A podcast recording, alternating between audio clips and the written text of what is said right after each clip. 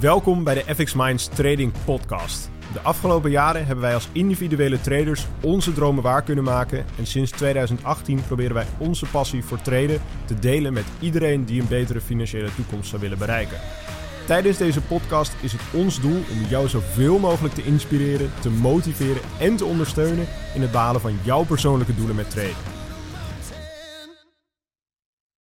Dus, Sander, heb jij wel eens nagedacht over de stappen die je hebt doorlopen tijdens het leren traden eigenlijk? Ja. Heb je dan, hebben we het dan over zeg maar, de, de stappen vanaf het moment dat het zeg maar, goed begon te gaan? Of zeg maar ook alle stappen die daarvoor gaan? eh, Eh, ja, gewoon vanaf dat het echt goed, zeg maar. dat, van, dat, je effectief begon, dat het effectief begon te worden, zeg maar. Ja, Ja, ik denk wel dat, eh, zeg maar, het, het is niet waar ik vaak stil bij sta.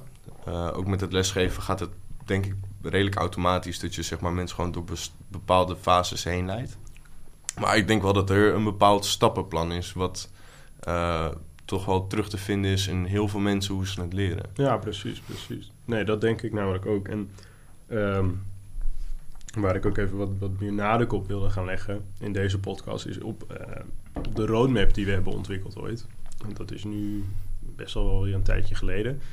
Ehm, maar ik merk toch vooral de laatste tijd best wel dat, dat, ehm, dat daar toch nog steeds een nadruk op ligt...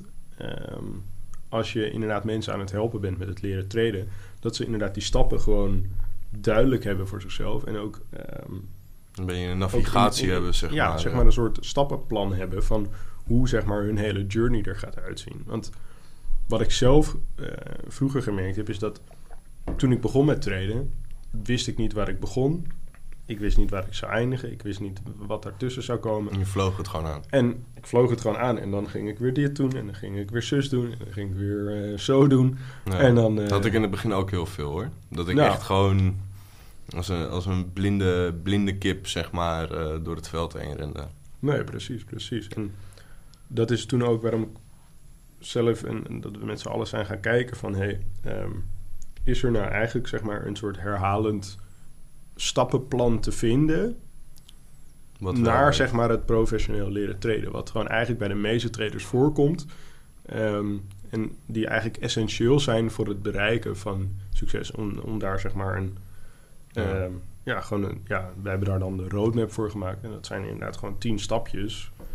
Gewoon een Ehm. beetje in kaart brengen wat iedereen eigenlijk al doet, maar Ja, wat nog precies. niet in kaart gebracht is. Nee, precies. En, en ik, ik denk dat daar namelijk vaak ook heel veel waarde in zit. In zeg maar gewoon het simpel maken van eh, en, het, en het visueel maken van dingen die voor de meeste mensen misschien wel duidelijk zijn, maar die vaak niet verwoord worden. Ehm, naar bijvoorbeeld mensen die net beginnen. Dus ik zal ze ook inderdaad eventjes bijpakken. Ik weet dan. ehm, want bijvoorbeeld de eerste stap, ik denk dat dat echt de belangrijkste is als je begint met traden, is het, stellen van duidelijke doelen. Eh, voor jezelf en voor wat je wil gaan bereiken, zeg maar, met, met het traden.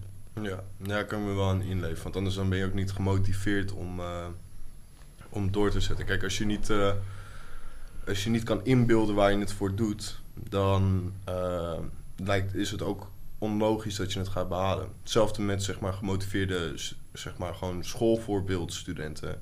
Studenten die een duidelijke doelstelling hebben over hun carrière, zullen ongetwijfeld beter presteren dan eh, studenten die geen duidelijke doelstelling hebben over hun carrière. Ja, doelen en dat precies, soort precies. En wat ik ook vaak zie is dat de meeste mensen beginnen natuurlijk hè, van... hé, hey, eh, ik wil beginnen met traden, want ik wil geld verdienen. Ja. Maar vaak, ja, bij de meeste mensen is dat gewoon... Een, een, een- geeft dat een te lage motivatie en inspiratie, zeg maar. Alleen het geld verdienen. Om dan Ja. ook de- daadwerkelijk echt door te zetten en, en de volgende stappen te gaan zetten. Want kijk, natuurlijk, het is leuk om een miljoen te hebben... of om 10 of om 100 miljoen te hebben... of om 100.000 euro te hebben, maar als je echt zeg maar ook weet wat je vervolgens met dat geld wilt gaan doen en hoe je zeg maar je eigen leven daar eventueel zou me- mee willen verbeteren of dat van andere mensen, dan geeft dat gewoon veel, een veel diepere zeg maar betekenis. Het heeft meer toegevoegde waarde. Ja. En- Ik denk ook trouwens dat het interessant is om, eh, om het eventueel een keer te hebben over wat dan naar onze mening de beste doelen zouden zijn. Ja, ja, dat vind ik Ik- ook wel een goede inderdaad. Om, denk- om gewoon een keer een hele podcast over het Nee, stellen ja. van doelen zeg maar te, te hebben. Ja, misschien is het wel leuk om gewoon ook zeg maar van elk stapje van de roadmap gewoon een keer een losse podcast te maken. Om daar gewoon echt heel diep in te duiken. Want Ja. even mijn idee voor deze podcast is Dus dus om alle stappen gewoon eventjes eh, eroverheen te gaan. En even iets korts. Ik, persoonlijk zou ik met doelstellingen... De, de doelstelling die ik bijvoorbeeld eh, zelf heel erg heb... en waarvan ik ook andere mensen zou adviseren om dat als doelstelling te hebben... is, eh, ik denk dat er een soort van... een verschil is tussen de twee termen rijk en Mhm. welvarend. Ja. Ik denk dat rijk gaat om de hoeveelheid geld die je in een momentopname bezit. Ik denk dat welvaart eh, meer gaat over de hoeveelheid geld die je kan behouden en hoe je omgaat met het geld en je perspectief daarop. Ja, precies. Dus een beetje te vergelijken met ehm, het vermogen wat iemand heeft en de liquiditeit die iemand heeft. Kijk, Ja. je kan natuurlijk, je kan bijvoorbeeld een, eh, een gigantisch groot huis hebben van 3 miljoen. Eh, maar nog steeds moeten, elke dag moeten werken voor een baas, omdat je gewoon je, vaste kosten en je boodschap moet betalen. Ja, dus maar stel, voor- dat, dat, is, dat is echt vermogen. Maar stel je hebt liquiditeit, er komt gewoon elke maand komt er, eh, laten we zeggen, 100.000 euro binnen, die je gewoon overal zou aan kunt besteden zijn, ja. die mensen hebben een totaal ander leven eh, Ja. dan, dan de ander, zeg maar. En ook een heel ander beeld op geld, denk ik. Precies, precies. En het is een beetje... Het is natuurlijk... Kijk, iedereen heeft daar zijn eigen voorkeur in. Ehm, wat, wat diegene precies wil. Of je nou echt inderdaad veel vermogen zou willen hebben... of juist veel liquiditeit. En ik denk dat daar ook vaak nog wel een soort misconceptie is Over is ja. over is bij sommige mensen van... oké, ehm, ik wil eh, heel veel geld worden. Ik, ik wil heel, heel rijk worden. Ik wil heel veel geld hebben. Want dan kan ik doen wat ik wil. Ehm, Maar kan dat is niet per se zo. dat is niet per se zo. Dat is zo als je veel liquiditeit hebt. Maar als je veel vermogen hebt... Ja, je kan... En ook op het moment dat je je liquiditeit kan behouden, ongeacht je uitgaven. Nee, ik precies. Denk, mijn persoonlijke doelstelling is namelijk altijd geweest om, eh, zeg maar, voor mezelf een model te creëren, uitvoerbaar model, waarin ik mijn geld, eh, wanneer, waarin ik rendement behaal op mijn geld, om in ieder geval de inflatie eh, tegen te gaan, zodat ik mijn welvaart behoud, zeg maar, Mhm. het spaargeld. Uh, daarbovenop graag rendement maakt. Het liefst meer dan de norm. Als we het bijvoorbeeld hebben over een indexfonds die gemiddeld iets van 8% per jaar doet, Ja, zeg maar. tussen de 8 en de 10 meestal. Om wat meer toegevoegde waarde te geven aan dat ik er actief mee bezig ben. Ja, als trader zijnde dan. Mhm. Ehm, om dan te gaan kijken in termen van oké, en alles wat daar bovenop zit, het extra rendement, om dat als een beloning te zien voor mijn eh, onderneming, activiteiten, Mhm. en om dat als uitgavengeld te zien. Ja. Snap je wat ik bedoel? Ja. Dus het gaat voor mij dan niet ineens als je kijk, en natuurlijk eh, met de wens dat het meer en meer en meer wordt, maar het gaat voor mij meer, als je het hebt over mijn doelstelling en ook de doelstelling die ik zou aanraden aan mensen, om dat model langdurig werkbaar te houden. Ja, liefst precies. voor altijd. zeg Ja, precies. Ja, dat is, kijk, dat is natuurlijk afhankelijk, maar dat is inderdaad, dat, ik denk ook inderdaad dat dat het meest, ehm, voor mijzelf, dat het het meest belangrijk is om, om die richting in te gaan, inderdaad. En ehm, ja, om even dan terug te komen, inderdaad, het is voor jezelf natuurlijk heel belangrijk om dus inderdaad vooraf en als allereerste stap gewoon duidelijk voor jezelf te hebben van wat wil je nou precies. Kijk, of je nou ehm, een heel groot huis zou willen hebben en een hele mooie auto en eh, een gezin en kinderen en weet ik het wat. Daar heb je, dat is een heel ander doel dan dat je zegt van, oh, ik wil vrijheid hebben. Ik wil eh, de wereld rond kunnen reizen. Ik wil eh, kunnen doen, gaan en staan waar ik maar wil. En vanuit daar wil ik willen, ja, kunnen doen wat ik wil. En of je dan inderdaad wil blijven traden of dat je meer passief wil investeren. Dat zijn Ja. dingen die heel belangrijk zijn om in het begin als- over na te denken. Wat, stel je zou een hele praktische omschrijving moeten geven, een hele eh, objectieve checklist, ja? Mhm. Wat zou jouw doelstelling zijn? En dan ben ik wel benieuwd en dan wil ik graag daarna die van mij vertellen, zeg maar. Of we kunnen het ook even omdraaien, dat ik het eerst doe. Ja, doe jij maar even, dan Ja? begrijp ik een beetje wat je, waar, je, waar je heen wilt het- en wat je je bedoelt. Eh, wat ik persoonlijk eh, nog steeds als doelstelling heb, en ook zou, eh, ik weet niet of ik het zelf in het begin zo duidelijk heb gesteld als dat ik nu kan, maar dit zou ik ook adviseren. Mijn doelstelling is om genoeg rendement te maken om de inflatie eh, tegen te gaan. Ja, dat is 2%, laten we het aannemen. Gemiddeld. Ja, nou, Je, je ik, kan heb ook wel het 2,5 toevallig, ik heb toevallig vorige week opgezocht. Dus in Maar- Nederland over de afgelopen 60 jaar is het 3,3 procent. 3,3, oké. Ehm, om daarnaast de toegevoegde, want ik wil, het, oh, je wordt een trader omdat je het beter wil doen Mhm. dan de markt, zeg maar toch? Het is een beetje die eh, de markt verslaan, zoals we het noemen. Ja. Nou, laat ik even zeggen dat een, een gemiddeld rendement op de, de indexenfonds Amerika 8% is jaarlijks. Ja. Ja. consistent als je het een gemiddelde trekt. Ja. Dus we hebben 3,3 plus 8, ja. Mhm. Dus dan komen we uit op 11,3. Mijn doelstelling is om meer dan 11,3% rendement te behalen op jaarbasis. Op zijn minst, zeg maar. Mhm. En om dat schaalbaar te houden. En ook consistent uitvoerbaar. Oké. Snap je wat ik bedoel? Ja. Zodat ik mezelf, want ik denk dat het voornamelijk gaat om eh, jezelf eh, ontwikkelen tot een persoon die zichzelf in de juiste positie zet om te slagen. En dat het vanaf dat punt gaat om geld naar je toe trekken en daar hetzelfde proces mee uitvoeren. Voor mij is de grootste doelstelling het proces zelf. ja, het proces zelf uitwerken, zeg maar. En dan zou dat mijn. Ja, en voor mij is dat dan treden in de vorm van algoritme, maar dat kan natuurlijk ook in eh, andere manieren. Ja, precies. Ah, oké, oké. En ik denk ook dat dat wel een. eh, waarom ik dat zou adviseren, ik denk dat het een haalbaar advies is. Op Ja, redelijk korte termijn. Je zou in mijn ogen binnen een jaar dat kunnen behalen. Vanaf leek tot. ja, om, zeg dat maar, ja, ja, nee, precies. Met het traden is dat inderdaad, eh, is dat zeker mogelijk. Dat, dat, daar ben ik, ben ik zeker van overtuigd. Is natuurlijk niet voor iedereen altijd van toepassing. Kijk, het is, het is natuurlijk enkel weggelegd voor de mensen die daar ook echt gedisciplineerd mee omgaan. Ja, Eh, want ben je maar gewoon een beetje aan het aanklooien, dan zul je dat gewoon nooit bereiken. Dat, dat, ik denk dat we daar wel over eens zijn. ja, je moet wel een strategie hebben, een time management. En dat Nee, precies, Je moet precies, je leven er een beetje omheen. Precies, je Eh. moet gewoon eigenlijk de hele roadmap door, doorlopen, zeg maar. Maar dat komen we zo meteen bij.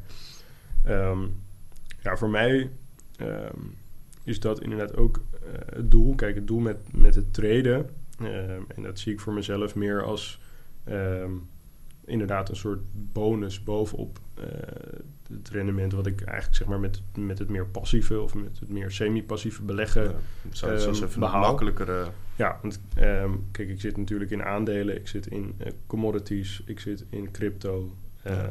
en ik heb in obligaties gezeten, heb ik recent verkocht. Ehm, Obligaties doen ook niet zo heel veel. nee, obligaties doen tegenwoordig niet zo heel veel, Ja, maar kunnen, kunnen over de lange termijn kunnen die een, een, een hedge zijn tegen ehm, inflatie, tegen crashes, noem het maar op. Ja, Ehm, kijk, het belangrijkste voor mij is gewoon om een, om een portfolio, een, een, een diversified portfolio op te bouwen. Ehm, waarmee inderdaad gewoon ongeacht wat er gebeurt in de wereld of in de markt, er gewoon rendement verdiend wordt. En dat ik daar op een gegeven moment inderdaad eigenlijk een soort, ehm, ja, een soort passief inkomen, dus een passief rendement uit kun ha- kan halen. Waar ik Ja. van zou kunnen leven en waarmee ik mijn ehm levensstijl, mijn lifestyle zou kunnen opschalen. Zeg maar. Ik denk dat dat voor mij persoonlijk het belangrijkste is op dit moment. ja. Ehm, en ik zie zeg maar het eh, beleggen in aandelen, commodities, obligaties, goud. Die hele sector, dat zie ik zeg maar als een beetje het stabiele.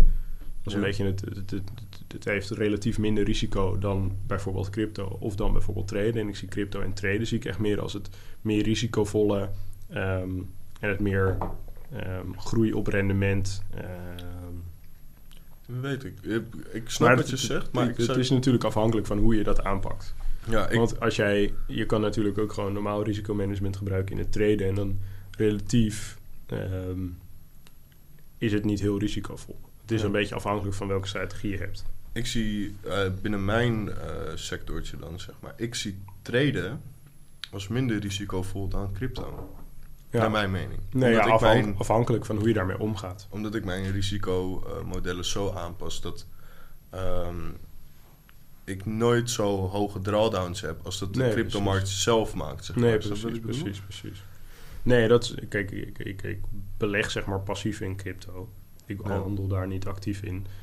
Ehm, Ik- maar in, in, in, de, in die, ehm, ja, dat doe jij wel. In, maar in die context, als je daar passief in belegt, dan kan het heel makkelijk zo zijn dat je inderdaad binnen een jaar dat je min 50, 60, 70, 80 procent staat. Ja. En dat is gewoon extreem risicovol. Nou is het natuurlijk ook zo bij het treden op de, op de forexmarkt. Het is en blijft natuurlijk speculeren op de markt. Je, je, je, je hebt niet zeg maar, je hebt een strategie die je hebt uitgewerkt en die heb je doorgetest. Ehm, En daar heb je een bepaald risicoprofiel aan gehangen. Ja. Maar dat blijft natuurlijk wel speculeren. En dat, dat is natuurlijk wel even belangrijk om te beseffen. Nou heeft dat eh, in de risico, ehm risicomanagementstijl die wij gebruiken, is dat risico ja, eigenlijk nog bijna kleiner dan dat van bijvoorbeeld een aandelenmarkt.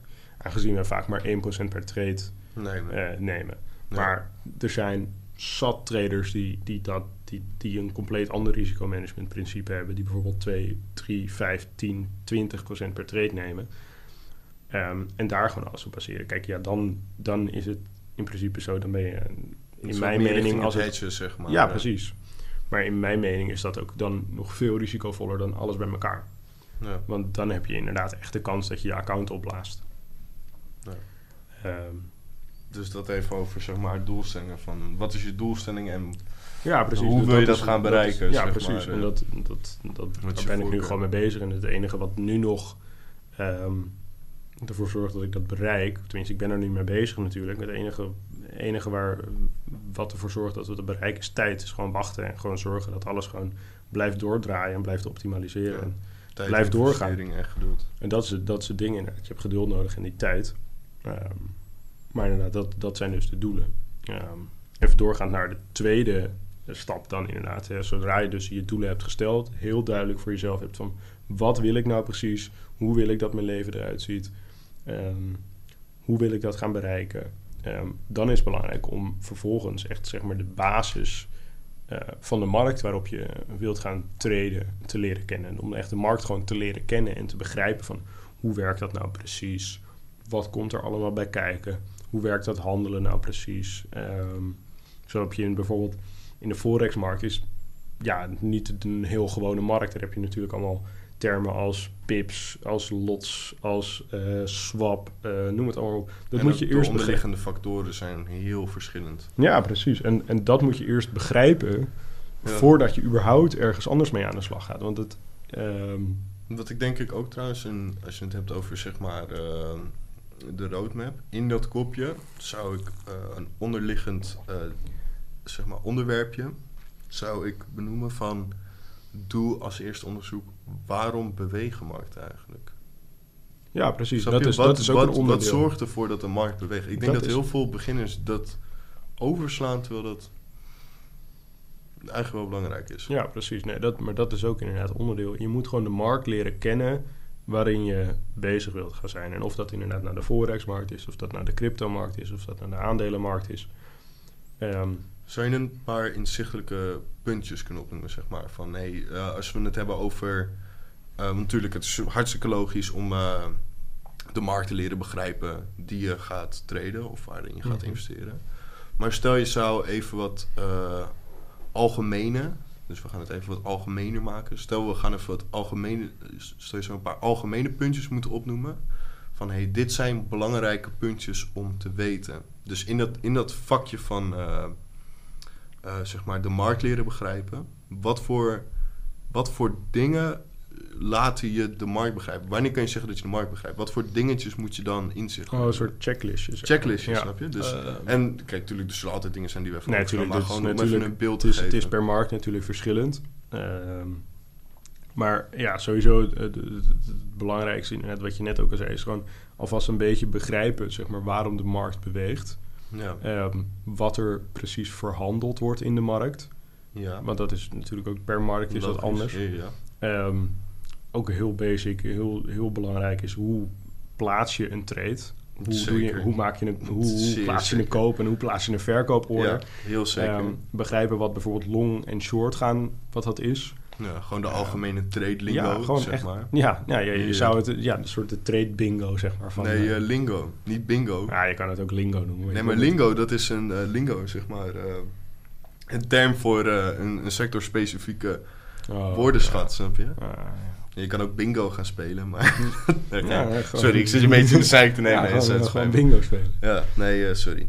Nee, maar je hebt wel hartstikke gelijk inderdaad. Ja, dat Ik- zijn gewoon denk ik de, de, de basisdingetjes sowieso die je, moet, die je moet begrijpen voordat je daarmee aan de slag gaat. En Ja, ik denk dat het ook belangrijk is om zeg maar eh, ook al daarin na te denken van wat zou de eventuele uitkomst moeten zijn van wat ik wil gaan bereiken. Ja. Als ik mijn eigen checklist zou, om even te kijken hoeveel raakvlakken, ik denk dat het grootste deel natuurlijk hetzelfde Mhm. is. eh. Ehm, wat je zegt, inderdaad, alle termen. Die maar eens wat Ja. long, short is, leren wat de stoploss is, een take profit. Ja, Leer dat zijn alle termen. alle- Leer alle hele praktische stapjes van een trade plaatsen of beleggen. Ik denk, ik denk dat een heel belangrijk punt is hoe, wat de praktische werking is van een koers. Wat zijn nou de onderliggende acties die een koers omhoog laat gaan of omlaag laat gaan? Want dat, Ja, is, dat vaak, eh, dat is vaak een heel mistig beeld voor mensen. Ja, dat je eigenlijk, eigenlijk denk ik, dat, dat is natuurlijk bijna in alle markten zo, het begrijpen van hoe een orderboek werkt. Ja, ja, precies. En hoe dat invloed heeft Ja. op de prijzen. Daarnaast zou ik altijd adviseren dat je in je beginfase, zeg maar, ehm, nog voordat je zeg maar eh, bezig gaat met de daadwerkelijke technische tools die je gaat gebruiken, zoals Mhm. technisch analyseren en dan de, Ja, de sector van de tech- volgende stap. zeg dat, en dat is dan dus en dan nog de sector van technisch analyseren.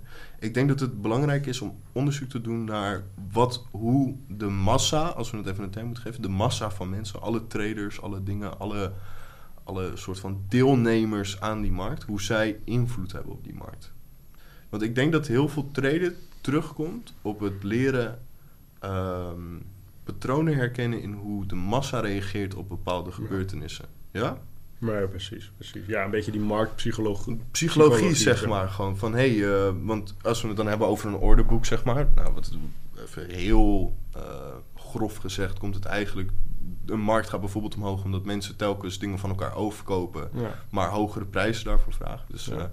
jij koopt een aandeel voor 200 euro, er zit veel potentie in. Jij biedt hem aan voor mij aan 201 euro. Ik koop hem van 201 euro. En in het gemiddelde van al die transacties komt hij, van alle mensen die daar meedoen, komt hij bijvoorbeeld uit op 2,70 euro of zo. Zeg maar. Ja. Omdat ook an- andere mensen hem weer mogen kopen voor 2,30 euro of 2,35 euro. ja, precies. En daarbij is het ook belangrijk om te begrijpen hoe wordt zo'n prijs nou bepaald inderdaad. Want Bepaald je ziet inderdaad. bijvoorbeeld, eh, stel je ziet een chart van een bepaald aandeel of van bijvoorbeeld eh, een crypto of iets, zie je op een bepaalde prijs staan. En eh, ik, ik weet zeker dat heel veel beginnende, echt, echt basic beginnende traders gewoon denken van, Ik durf hoe komt die prijs daar te staan? Ik durf zelfs te zeggen dat een hoop medium tot gevorderde traders zichzelf het nooit hebben afgevraagd. Nee, precies. Maar, dat, ja, zeg maar de, de prijs of de koers die ergens voor weergegeven wordt, ja, weergeeft eigenlijk gewoon het meest recente, eh, de meest recente prijs weer voor- waarvoor iets gekocht en verkocht is. In het gemiddelde, meestal. Omdat je zoveel orders hebt, zeg maar, die... eh, Nee, maar zeg maar, komen. als je, als je nu, zeg maar, stel je zou nu TradingView openen, eh, of, of je broker eh, iets, en je ziet daar een prijs staan, dan weet je gewoon, dit is de meest recente prijs die betaald is voor deze asset. ja, En die, wordt, die, die gaat per, per milliseconde wordt die weer geüpdate natuurlijk. Bij elke nieuwe order wordt die prijs, zeg maar, gaat die weer een klein ja. beetje anders. En dat kan soms met euro's, soms met centen, soms met, met pips kan dat schelen. Ja. dat Dan is de constant in beweging, zeg maar, de, de, Ja. de superla. Nee, precies. Want het, het interessante daaraan... eh, en dan kunnen we dat ook mooi doorkoppelen naar de volgende stap... is dat als je daar inzicht in hebt... dan kun je ook gaan afvragen van... oké, dus... eh, hey, het is, wat ik zie is eigenlijk de, de prijs die, eh, die de mensen ervoor betalen, zeg maar. En stel ik wil geld verdienen wanneer de markt omhoog gaat, dus ik wil Ja. omgaan, dan kan je meteen de logische vraag daarop stellen van oké, maar wat is, zijn dan de momenten, het blijft speculatief natuurlijk, maar wat zijn dan de momenten die ertoe zetten dat mensen bereid zijn om hogere prijs te gaan betalen? Want dat is wat ik wil. Ja, Want ik wil dat andere mensen voor mij de prijs omhoog drijven, terwijl ik mijn positie vasthoud. ja. En dan kom je heel interessant bij de volgende eh, stap, denk ik.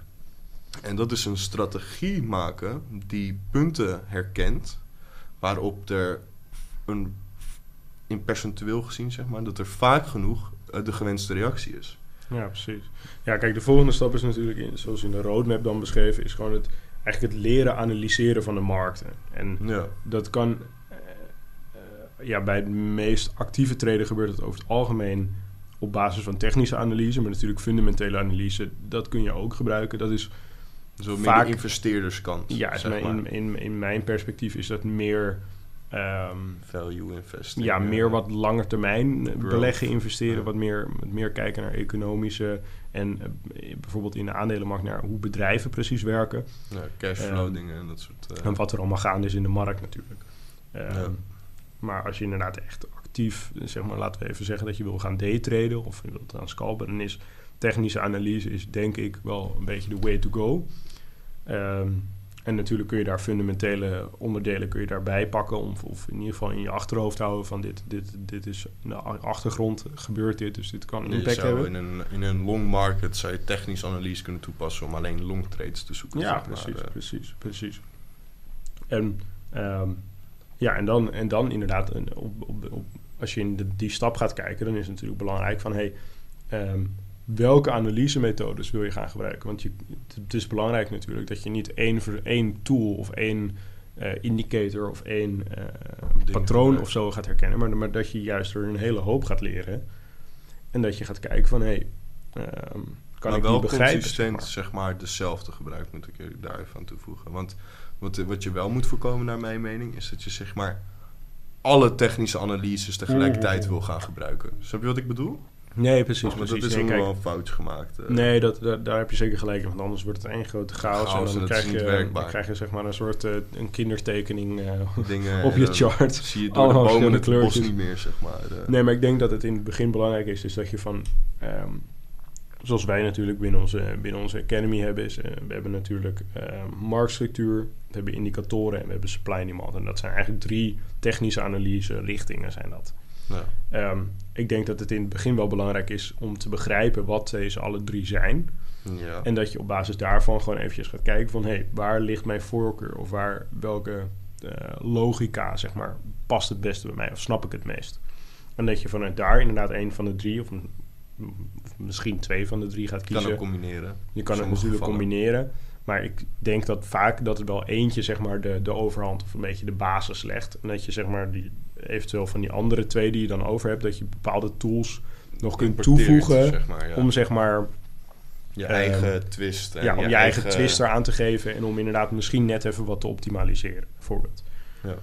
Ehm, dus ja, ik denk dat dat zeg maar het belangrijkste is als je echt aan de slag gaat met het leren analyseren van de markt. Even om dan inderdaad de stap zeg maar naar de, naar de volgende stap te maken, is zodra je zeg maar die analyse tools geleerd hebt, is het belangrijk om daar ook gewoon echt mee te gaan oefenen en te gaan kijken van hey, stel ik zou dat toepassen. ehm, en dat kun, je, dat kun je doen met een demo-account. Dat kun je doen ook gewoon door een beetje op je charts te gaan testen. Ehm, gewoon kijken van, hey, ehm, stel ik doe dit... of ik gebruik deze tool, of ik gebruik deze indicator... of ik gebruik eh, dit patroon. Wat gebeurt daar dan mee? En Ja. hoe, ehm, Hoe kan ik dat gebruiken? hoe kan ik dat gebruiken? En wat is zeg maar een beetje de, op de achterliggende gedachte daarachter? Want eh, als ik daar een toevoeging op mag geven om even een snelle eh, doorstroming te maken van alle stappen. Kijk, eh, je hebt de doelstelling om iets te behalen. Dan, heeft, dan heb je de, de, het kopje van verdiepen. Dan om even die puntjes zeg maar, mee te nemen naar dit stapje van... hey, je leert een orderboek, je leert dat massa invloed heeft op de, Mhm. ehm, zeg maar de, de prijs. Door hoe prijzen werken, zeg maar. Koersprijzen werken dan in ieder geval. Als we het dan hebben over je, je, zeg maar, je technische analyse methode en ook dat uitvoerbaar maken. Wat, wat je in mijn visie daarmee doet en wat ook eh, heel belangrijk is, is dat je dus zegt... Eigenlijk zeg je in onderliggende toon van... hé, hey, ik leer aan de hand van analysemethodes... leer ik punten herkennen waarop vaak bepaalde reacties zijn van de massa. Ja. Waardoor de prijs omhoog gaat of omlaag gaat. Ja, En dat hoeft dan niet per se te betekenen dat zij dezelfde analysemethode hebben. Misschien reageren zij op die manier vanwege een hele andere reden dan dat jij ernaar kijkt. Maar zolang als je maar ziet dat je, dat je zeg maar in, de, in vorm van analysemethode zeg maar verschillende contextjes kan creëren die je kan afzonderen van de rest van de markt. Dus dat Mhm. je een soort van de markt kan opdelen in breek, eh, opbreken in delen.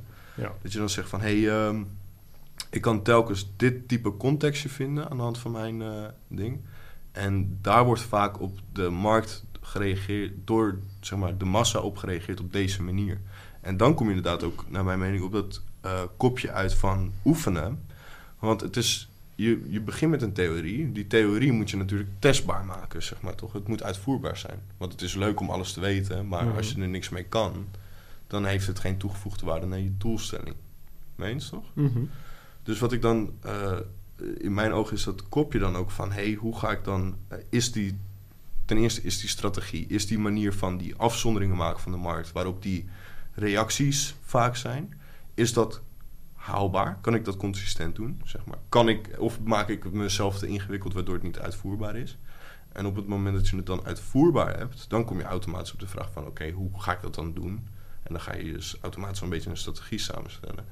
En dan kan je dus ook je theorie testen. Je theorie van hey, deze momenten gaan uh, reacties opleveren. Ja. Ja, precies. En, en dat sluit dan inderdaad weer aan op de volgende stap. Want zodra je zeg maar daarmee dus een beetje geoefend hebt van wat wel en niet werkt voor jou, dan komt de volgende stap. En dat is dus inderdaad het ontwikkelen van je eigen tradingstrategie. Ja. Ehm, en die stap die daarna dan weer komt, is dus inderdaad het testen van je strategie. Ja, echt dat, uh, ja. Ja, dat is wel interessant. Uh. Ik denk ook dat perspectief een hele hoop kan helpen in dit soort situaties. Ja, precies, precies. En wat ik ook vooral denk is dat... Um, kijk, natuurlijk, als je met die stappen bezig bent... het is gewoon belangrijk om van tevoren te weten hoe die wat de stappen zijn. En dat is ook een beetje de reden dat, we die, dat, ik die roadmap, dat we die roadmap gemaakt hebben... en dat we die ook aan het begin van Academy zetten. Van, ja. hey, dit zijn de stappen die je de komende periode gaat doorlopen... Um, en omdat je weet nu hoe dat, hoe dat eruit gaat zien, weet je ook van oké, ik ben nu met deze stap bezig. Um, en ik weet ook meteen waar, waar zeg maar, ik naartoe moet gaan werken. Waar ik, zeg maar, wat, wat de volgende stap gaat worden waar ik naartoe moet werken. Ja. En doordat je dat weet, kun je gewoon veel makkelijker um, daarin ontwikkelen als het ware. Ja, in plaats van dat je hebt gewoon een richting. De richting ja. is ook belangrijker dan snelheid. Precies, precies. Ja. Want als je ja, dwaas ergens naartoe gaat rennen en je hebt je geen idee waar naartoe... km per uur, dan heb je het risico dat je in rondjes gaat rennen. En dat heeft Ja. ook geen zin. Ja. Nee. Ja, helemaal mee eens. Nee, precies. Dus dat zijn dan inderdaad die volgende stappen. Dat is eigenlijk het ontwikkelen van je strategie. Dat is, dat is natuurlijk heel belangrijk dat je daar heel specifiek in bent. En dat je gewoon precies weet van oké, wanneer stap ik wel in een trade, wanneer stap ik niet in een trade. Ja. Ehm, wanneer stap ik wel uit een trade en wanneer niet uit een trade. Ehm, dat zijn natuurlijk belangrijke dingen. Je moet nadenken over waar je je stop-loss plaatst. eh, waar je bijvoorbeeld je take-profit plaatst. Ehm, wat voor trade management je eventueel gaat gebruiken. eh, wat voor risicomanagement je eventueel gaat gebruiken. En noem het maar op. Ehm, kijk, dat zijn gewoon hele... Dat is eigenlijk een beetje de basis zeg maar, van, van wat een Een tradingstrategie is. En zodra je zeg maar die strategie voor jezelf haarscherp hebt, dan kun je echt aan de slag met het heel kritisch gaan backtesten van je strategie. Kun je Ja. door naar de volgende stap en dat is dus inderdaad het testen van je strategie. Data-onderzoek. eh, En dan kun je inderdaad, ehm, en wat het in principe even kort gezegd inhoudt, is gewoon het testen van je strategie over het prijsverloop van het verleden. ja. Dat is backtesten. Ehm, en dat kun je op verschillende manieren doen. Ehm, en dan kun je eigenlijk aan de hand daarvan kun je dus data verzamelen om te zien van hoe heeft jouw strategie de afgelopen jaren, of stel jij zou tien jaar geleden begonnen zijn met het handelen van je strategie, hoe zou dat gepresteerd hebben? Wat zijn de statistieken daarvan? Wat is ehm, je gemiddelde return? Wat is je, je diepste drawdown? Ehm, ja. noem het maar op, wat is je strike rate? Wat is je gemiddelde winst of verlies per trade, zeg maar. En door daar inzicht in te krijgen, wat je daarmee doet met het backtest, is vooral ook vertrouwen, zeg maar, ontwikkelen in jouw strategie.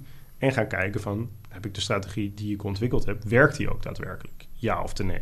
Ja, het kan natuurlijk ook zo zijn- gewerkt in het verleden, is de kans heel, Ja, is- heel klein dat het gaat Ja, precies. Dus kijk, natuurlijk, de, wat, wat, wat, wat altijd gezegd moet worden is... ehm, resultaten uit het, uit het verleden zijn natuurlijk nooit een garantie voor de toekomst. Nee. Dat is natuurlijk heel logisch. Maar Het is wel een Als juiste de- richtlijn. ja, het is wel een juiste richtlijn. Het, het geeft wel zeg maar, vertrouwen en houvast. Kijk, stel dat jouw strategie ehm, afgelopen 20 jaar gewoon heel consistente resultaten zou hebben gehaald. Gewoon elke maand stabiele, stabiele returns. Af en toe een keer een verliesje, maar niet heel, niet heel apart. Dan is de kans relatief niet heel groot dat dat ineens helemaal anders is van, van, van de ene dag op de andere dag. Ja. Dus je kunt dan redelijk aannemen van dat dat in de toekomst mogelijk ook nog wel zo zou zijn. En wat ik daar misschien wel aan kan toevoegen, kijk, want je hebt eh, eigenlijk eh, is het datawetenschap, zeg maar. Backtest is gewoon datawetenschap. Heel veel principes uit datawetenschap Ja. nemen op één op één over. en er mag ook gezegd worden dat de datawetenschappen, principes en methodieken, die zijn al bewezen. Ja. Ehm, dus je hoeft het niet eh, per se te verantwoorden waarom het werkt. Nee. Wel kan ik eraan toevoegen dat het is ook, naar mijn mening, ook nog een keer verantwoord, verantwoordbaar waarom het werkt. Zo Ja. wat ik doe? Nee, precies. precies. Je kunt aan iemand anders laten zien van... kijk, deze strategie over de afgelopen periode heeft dit, dit, dit en dit gedaan. Je kan gewoon laten zien van... kijk, dit, dit is wat het gedaan heeft. Ja, en ook, ik, ik durf ook wel te zeggen dat je kan verantwoorden waarom ehm, historische resultaten toegevoegde waarde hebben in de toekomst. Oh ja, nee, zeker. zeker. Omdat heel veel mensen, en er is hier heel veel discussie over, zeg maar, binnen, binnen financiële en economische mensen en die daar een sector van hebben gemaakt. Mhm. Maar ik persoonlijk ben er wel van overtuigd dat je patronen kan herkennen die langere tijd stand zullen houden, omdat mensen gewoontedieren zijn. En omdat uiteindelijk de, de grootste invloed van financiële koersen mensen blijven, zeg maar Ja. toch? Dus dat op het moment dat je een strategie hebt die eh, gebaseerd is. Stel, we hebben het over instapmomenten, ja? Instapmomenten zijn eigenlijk manieren, de analyse eromheen zijn manieren om eh, zeg maar die afzonderingetjes te maken. Dus we zoeken telkens kleine plekjes in de markt met dezelfde context. En die gaan we testen. En op het moment dat er voor een grote hoeveelheid telkens in, percentage bijvoorbeeld zeg maar, dezelfde reactie op is, wat, we wat je dan eigenlijk test is van, hey, heeft de massa, hebben de mensen het gewenste resultaat dat ik zoek hierop? Ja. En de toegevoegde waarde van de backtest in de toekomst is in mijn ogen dan ook dat je, ehm, omdat mensen gewoontedieren zijn, ja, dat het aannemelijk is dat dat, dat zo zal blijven gaan. Ja, precies. Dat, dat die mensen ook de volgende keer dat dat voorkomt, Dat, Dat ze- blijven doen. dat ze blijven reageren op diezelfde situatie, Nee, op dezelfde manier. Precies, precies. Nee, daar, eh, daar ben ik het ook zeker mee eens. Ja. En evenals met het uitstapmoment, is precies hetzelfde. Ja, nee, als je precies. een uitstap eh indicator bijvoorbeeld, of een eh, uitstapanalyse, is ook hetzelfde. Want je herkent gewoon een punt en je verwacht van, oké, hey, mensen gaan hierop reageren, waardoor de, stel ik zit long en ik wil uitstappen voor de markt, voordat de markt weer sterk short gaat, zeg maar. Dan zoek ik een punt waarop ik waarop het vaak zo is dat mensen er zo op reageren dat ze de markt weer naar beneden drijven. En Precies. dan stap ik daarvoor stap ik eruit. eh. Nee, precies, precies. En ja, dat is dus inderdaad denk ik het belang van, van het backtesten van je strategie. Nou, is het dan vaak zo... ehm, kijk, met, met het backtesten bouw je vertrouwen op. En Ja. zodra je eigenlijk dat helemaal geanalyseerd hebt... ehm, en ook geoptimaliseerd totdat het in, op een gegeven moment winstgevend is. Want dat is natuurlijk ook het onderdeel daarvan. Hè. Eh, je- Ja. Je moet natuurlijk wel blijven doorgaan daarmee. Totdat je strategie ook daadwerkelijk winstgevend is. En je tevreden bent met de resultaten die daaruit komen. Ja, en ook de verhouding van je rendement versus je soort Precies, precies. Daar moet, daar moet je gewoon... Daar moet, doel, eh, in ieder geval naar je eigen mening moet je daar tevreden mee zijn. En of Ja. iemand anders daar tevreden mee is, dat zwaar. ja. Maar zolang je dat zelf bent, is het prima. En vanaf dat punt, dan kun je ook inderdaad gaan kijken met de, de opbouwen van echt, echt resultaten, zeg maar. En dan kun je ook gaan kijken van, hé, ehm, stel ik zou deze strategie dan ook nu live gaan uitvoeren met, met mijn eigen geld. Ja. Hoe zou het er dan aan, toe gaan? Want dat is ook waar nog heel veel mensen zeg maar, mee struggelen. Zeg maar. Die denken dan, oké, ik heb nu gebacktest. Ga ik, kan ik nu al aan de slag, ja of nee? nee? In principe, als het consistent winst oplevert, ja, ga gewoon aan de slag. Begin, zoals we ook wel vaker denk ik hebben gezegd in een podcast, begin met een klein bedrag. Ja. En ga gewoon kijken van de strategie die je nu ontwikkeld hebt en getest hebt. Kun je die ook daadwerkelijk uitvoeren en met hetzelfde resultaat of met het gewenste resultaat? Ja, of zitten er in praktijk toch nog andere factoren tussen die je niet voorzien had? Precies, precies. Want dat, dat, dat zou altijd zo kunnen zijn. En dat gebeurt bij heel veel mensen. Gebeurt dat ook. Dat ze een hele mooie strategie hebben bedacht. Maar dat ze er uiteindelijk, als ze echt live gaan traden, dat ze erachter komen van hé, hey, ehm, dit is helemaal niet uitvoerbaar voor mij. Of überhaupt niet uitvoerbaar. Ja. Nee, ik denk dat dat ook wel interessant Zoals is. bijvoorbeeld ook, kijk, stel even een, een, een, een, een, heel praktisch, een heel makkelijk voorbeeld. Stel je zou ehm, gaan ehm, scalpen op de, laten we zeggen, 5 minute timeframe. En je test over zeg maar nou, even heel absurd natuurlijk. Maar je test gewoon alle 20 jaar, van afgelopen 20 jaar aan data. Dan heb je echt een, echt een Dan heb je echt een hele Echt- grote heb test. je echt veel te veel data, veel te veel data natuurlijk.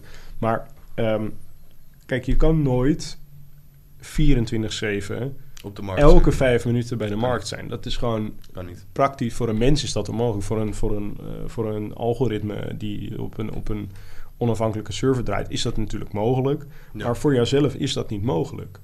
Nee, Ehm, nee. dus dat zijn, dat zijn bijvoorbeeld dingen daar waar je ook over moet nadenken, denk ik, tijdens het ontwikkelen van je strategie. Van is dit ook wel haalbaar voor mijzelf om dit te kunnen uitvoeren? ja, time management gewijs. Bijvoorbeeld. En dan heb je nog de, de, de vraag van is... Want het is, wat ik soms wel merk bij studenten is... ehm, en daarom adviseren wij ook altijd om te front testen. Zeg maar, demo treden, dat soort dingen. Ja. Eh, het kan ook makkelijk zijn om... ehm, stel je, stel je, je kiest voor een strategie met best wat subjectieve vrijheid. In de zin van dat je best wel wat ruimte hebt om op het moment zelf ja. beslissingen te maken. Zeg maar, meer toch? di- discretie, maar, discretionary trading. zeg Meer maar. discretionary trading, zeg maar toch. En stel je bent aan het testen. In die test maak je aannames over jouw discretions, over jouw Ja, ja. keuzes die Jouw je visie, zult gaan maken, visie, zeg maar eh, toch. zeg dus maar, je, je zegt eigenlijk van, hé, als ik dit ga testen, deze situatie telkens, dan is mijn aanname dat als deze situatie zich in de toekomst voordoet, dat ik dan ook die situatie kan herkennen. Ja. Mee eens? Ja? Nee, precies. Dus ik denk dat de belangrijke vraag bij het, eh, het eh, zeg maar daadwerkelijke oefenen in praktijk ook is van jezelf afvragen van hey, is dat wel zo? Heb ik wel iets gemaakt wat herkenbaar voor mezelf blijft in de toekomst, Precies. zonder dat ik door de bomen het bos niet meer zie, zeg maar. Nee, daarom, daarom, daarom. Ja. Nee, en dat is, dat is inderdaad dan...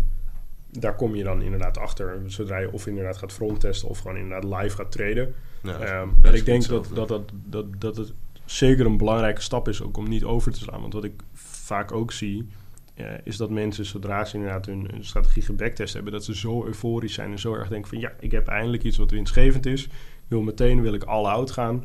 Eh, ik ga er gewoon meteen met, eh, met een volle, met mijn volle, volle spaarrekening ga ik erop in. Ja. Ehm, en dat ze erachter komen dat het niet praktisch is. Of dat ze bijvoorbeeld zeg maar, ook al de stappen daar, daar, die daarna komen, ehm, dat ze daar al mee beginnen. Dat is, ehm, Gevaarlijk. dat is gevaarlijk en dat is gewoon onverstandig. Ehm, dus zorg inderdaad ervoor dat mocht je, ehm, mocht je dus inderdaad je strategie getest hebben, alles, alles goed, alles wel, ga gewoon inderdaad eventjes, eh, laten we zeggen twee, drie, misschien vier maandjes, gewoon even live resultaten opbouwen. Kijken of de eh, resultaten die daaruit komen ook Ja. consistent zijn met, met de resultaten uit je backtest. Dat er geen rare dingetjes in zitten. En Er ga dan pas zeg maar naar de wel een volgende beetje ruimte voor afwijking, maar niet dat het helemaal omdraait in één keer. Nee, precies niet. Dat als jij gemiddeld ehm, een rendement tussen de, tussen de nou, laten we zeggen, min 2 en de 10% hebt eh, per maand. En misschien een maximale drawdown ooit van 4. Dat je ineens een drawdown hebt van 12%. Ja. Dat, dat zou niet moeten kunnen in principe. Als Want jij dan heb je, dan dan heb je wel een hele bijzondere meer- afwijking zeg maar, van, van wat normaal is. Ja, want dan zou je meer trades nemen. Dus dat zou Ja. betekenen dat er de situatie zichzelf meer voordoet. Maar in waarschijnlijkheid zal het zo zijn dat je dan zeg maar, andere situaties gaat interpreteren als diezelfde situatie die je getest hebt. Zeg maar. precies. precies. En dat moet je niet hebben. Interpretatiefoutje. En, ehm, en zodra je dat dan inderdaad gedaan hebt, dan kun je door naar de volgende stappen. En dat is echt zeg maar. En dan de eerste stap daarvan is, is zeg maar het op zoek gaan naar bijvoorbeeld een investeerder. Ja, Ehm, wil ik wel aan en dan- dat in die vorige stap dat het ook een stukje is... eh, eh, wat je in praktijk ook test, is eh, hoe... Tot hoeverre je al op je gemak bent met het daadwerkelijk Ja, trainen. Want nee. wat ik ook wil adviseren aan mensen in die periode... Stel, jij je bent drie maanden bezig. Het gaat goed. Je draait bepaalde percentages en zo. Laat zeggen dat je met een schappelijk bedrag bent begonnen van 500 euro of zo. Je hebt Ja. 500 euro waarvan je zegt van... Oké, weet je, ik wil hier echt iets van maken als ik 500 euro, als ik daar wat van verlies, dan vind ik dat oké in termen van dat ik iets cools ga Ja. leren. Nee, precies. Vraag jezelf dan ook af, probeer dat dan ook een beetje op te schalen. Ja, precies. Voel je Dat wel is- op je... Oh, sorry. Ja, dat is ook eigenlijk inderdaad een beetje de, de, de volgende stap natuurlijk. En zodra je dan die resultaten hebt, daarna kun je inderdaad, wat, wat je moet gaan doen, is gaan opschalen natuurlijk. Ja, tot- En dat kun je natuurlijk op twee manieren, zoals wij het hier inderdaad in de roadmap uitleggen. ehm, is eigenlijk bedoeld voor mensen die geen tienduizenden of honderdduizenden euro's op hun spaarrekening hebben. Ja. Dan is het de bedoeling, of in ieder geval, dan kan het handig zijn om op zoek te gaan naar een investeerder. Maar stel dat je bijvoorbeeld zelf een hele hoop geld op je spaarrekening hebt, of je tot beschikking hebt, of gewoon een heel stabiel inkomen hebt waarmee je gewoon heel veel spaargeld overhoudt maandelijks. Ja. Dan is het de- natuurlijk de bedoeling om daarmee te gaan opschalen en te gaan kijken van hé, hey, ehm, stel ik ben inderdaad met 500 of met 1000 euro begonnen. durf Ehm, ik het dan aan met gaat- 2000? Ja, En als ik met- 2000 durf, durf ik dan 4000. Ja, precies. En dat moet je in, in stapjes doen. Want als je inderdaad in één keer van 500 naar 10.000 gaat, Dat is een schrik van je leven. gegarandeerd dat dat fout gaat. En dan kan, daar, eh, daar durf ik bijna vergif op in te nemen. Dat dat bij 9 van de 10 mensen dat dat, dat, dat fout gaat. Nou, want ze vergeten Ja. natuurlijk. Kijk, Want dan gaat er gewoon een enorme mindset shift gaat er, gaat er gebeuren. In, in plaats van dat je bijvoorbeeld 5 euro risico per trade neemt, neem je ineens 100 euro risico per trade.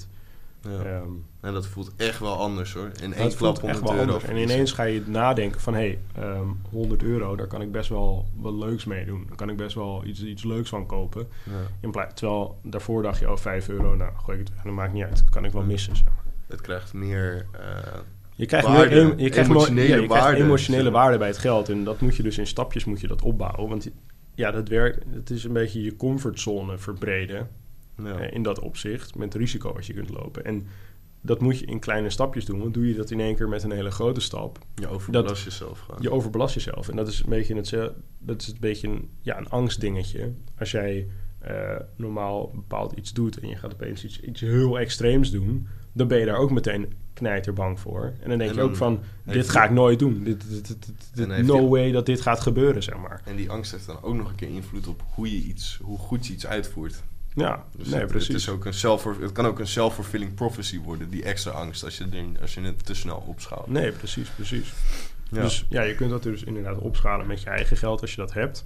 Eh, of je moet inderdaad op een gegeven moment op zoek naar een investeerder. En Dat kan, tegenwoordig kan dat op verschillende manieren. Prop Ehm, firms. je kan het met propfirms doen, is het denk ik de meest bekende onder de traders. Ehm, Je zou leningen kunnen zou doen in lening- bepaalde modellen. ja, je zou bij bepaalde mensen of bij bepaalde instituties zou je een lening aan kunnen gaan.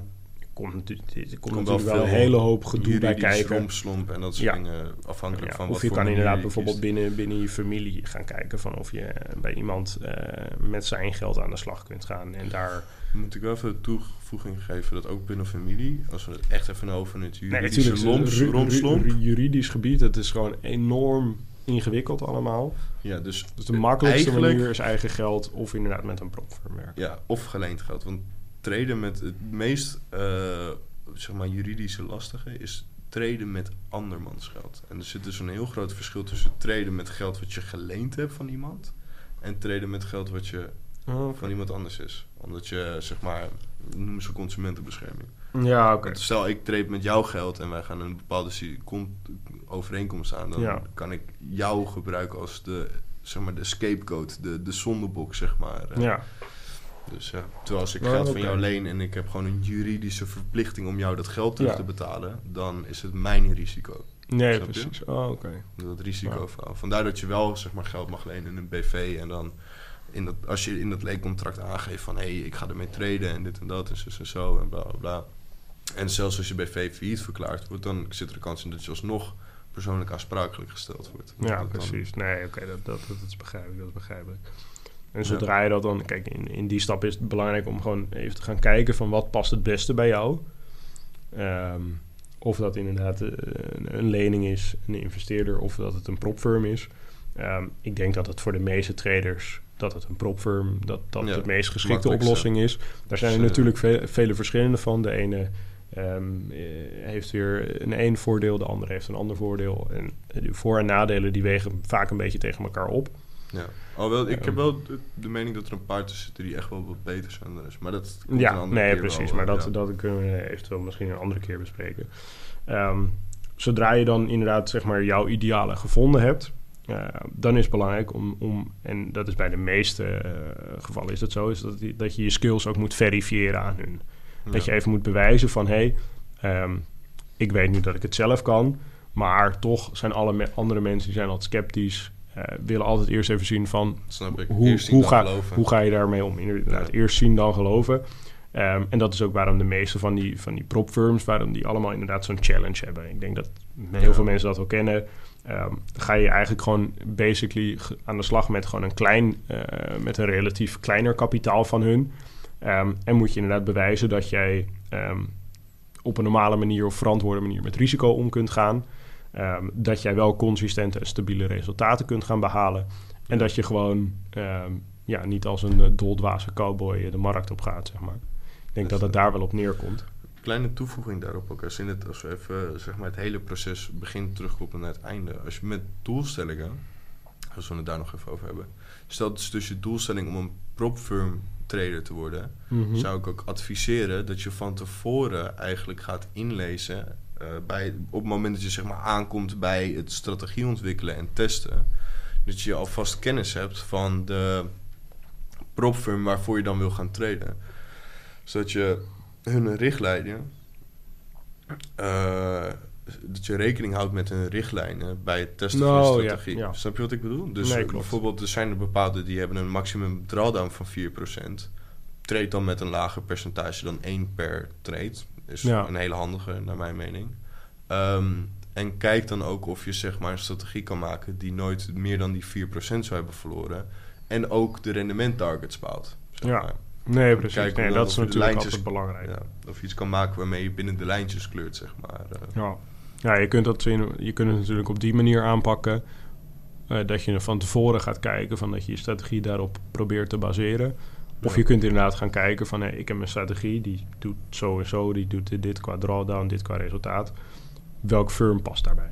Dat Je is kunt- dat zou- het kan- het Dat kan is either way. zo. Ja. Dat is natuurlijk een beetje afhankelijk van wat je wilt. Ehm, Ja. sowieso belangrijk om je daar inderdaad eventjes op voor te bereiden en op te oriënteren. En Dat is denk ik een beetje het meest belangrijke. Ehm, en ehm, ja, vervolgens ga je dan die challenge of die, die, die, die verificatie ga je aan. Ehm, en dan vervolgens komt inderdaad de, de allerlaatste stap van de roadmap. En dat is dus inderdaad het handelen met het kapitaal van je investeerder. Ehm, en inderdaad, ook weer terugkoppelend naar de eerste stap, dan inderdaad gewoon blijven opschalen totdat je je doelen bereikt hebt. ja. En that's it eigenlijk. Nee eens. That's it. Ja. Ja, ik denk dat het wel een goede uitleg is van eh, hoe iemand het beste aan de slag kan gaan. Ja, ik denk het ook. Ik denk ook dat het voor heel veel mensen, misschien mensen die nu luisteren ook, dat ze denken van oké, eh, ik weet nu wel redelijk welke richting ik op moet gaan en wat ik allemaal kan verwachten nog dat er aan stappen voor, voorbij gaan komen. Ehm, Ja, Ja, nog zo- wat trouwens. Nee, nee, nee, dankjewel.